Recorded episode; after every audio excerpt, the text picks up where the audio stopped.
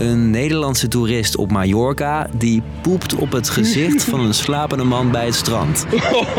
Mocht je het filmpje hebben gemist, is het misschien maar beter. Hoe dan ook, op Mallorca zijn ze inmiddels helemaal klaar met al die dronken Nederlanders die aan alles scheid hebben. Gewoon veel bier, veel zuipen. En zij zijn niet de enige. Ook andere populaire bestemmingen proberen trash-toerisme te stoppen. Wat gaat er allemaal mis? En kun je iets doen als jouw stad overspoeld wordt door dronken Duitsers, Britten of Nederlanders? Ik ben Steef en ik praat je bij over overtoerisme. Lang verhaal kort. Een podcast van NOS op 3 en 3FM. Oké, Mallorca, dat kennen we nu als partybestemming. Een eiland waar miljoenen mensen vakantie vieren.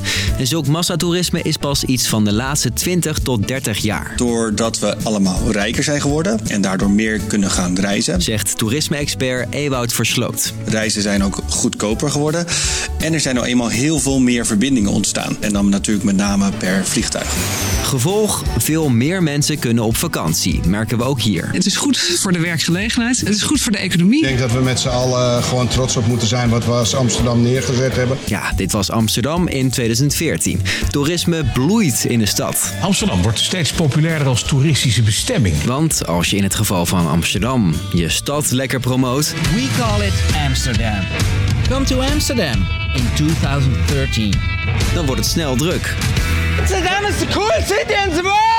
Daar moeten we heel blij mee zijn. Daar hebben we heel hard aan gewerkt. En die drukte ontstaat op dezelfde manier op veel andere plekken. Zoals op Mallorca dus, maar ook in... Barcelona, Venetië. Je hoort Ewout weer. Bijna alle plekken in de wereld hebben zelf zeker marketingcampagnes gevoerd om zichzelf aan te prijzen. Het recept van die campagnes? Een combi van de mooiste bezienswaardigheden promoten... en samenwerken met reisorganisaties die voor een prikkie Nu vanaf 1 euro. een reis aanbieden. En ja, Dan kan het er snel druk worden. en die drukte kan weer voor nog meer drukte zorgen.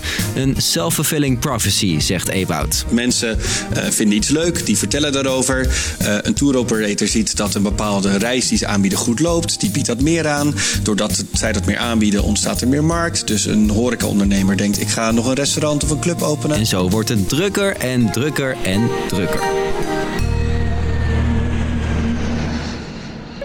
Maar die drukte heeft ook een keerzijde.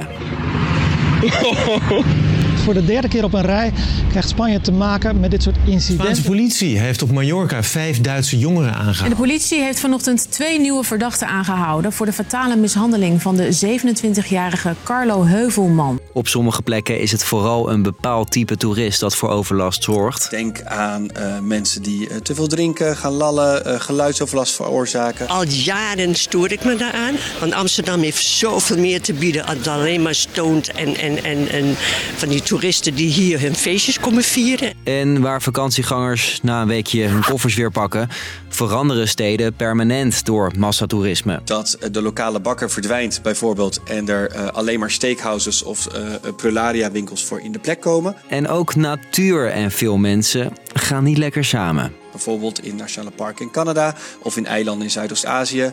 ehm, waar eh, gewoon simpelweg de hoeveelheid bezoekers zorgt dat de natuur zelf ehm, soms letterlijk vertrapt wordt. Daar worden maatregelen tegen genomen. Bijvoorbeeld in Venetië, waar kanalen vervuild raken door cruiseschepen. We are also against some type of uh, mo- like a tourism model that is destroying the city. In Venetië mogen sinds 2021 geen cruiseschepen meer aanmeren. En de stad inlopen, daar moet je tegenwoordig voor betalen. En ook op Mallorca zijn ondernemers helemaal klaar ermee. Met een campagne willen ze af van de jonge Britten, Duitsers en Nederlanders die zich elke avond lam zuipen. En ook Amsterdam kwam in actie, want wie in Engeland nu googelt op Cheap Hotel Amsterdam, krijgt een filmpje te zien met de boodschap Stay Away.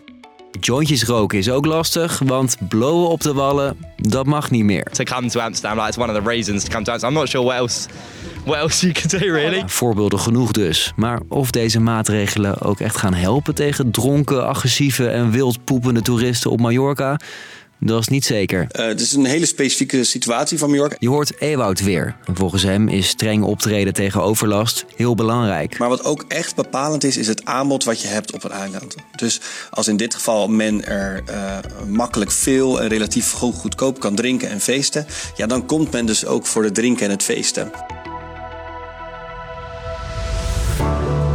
Dus, lang verhaal kort. Jarenlang voerden vakantiebestemmingen campagnes om zoveel mogelijk toeristen te trekken. Met succes. Maar meer toeristen betekent ook meer overlast. Dus proberen toeristische trekpleisters nu weer van alles om het tijd te keren. Vooral door feesttoeristen te weren. Was hem weer. Morgen rond de klok van 5 hoor je weer een nieuwe aflevering. Later.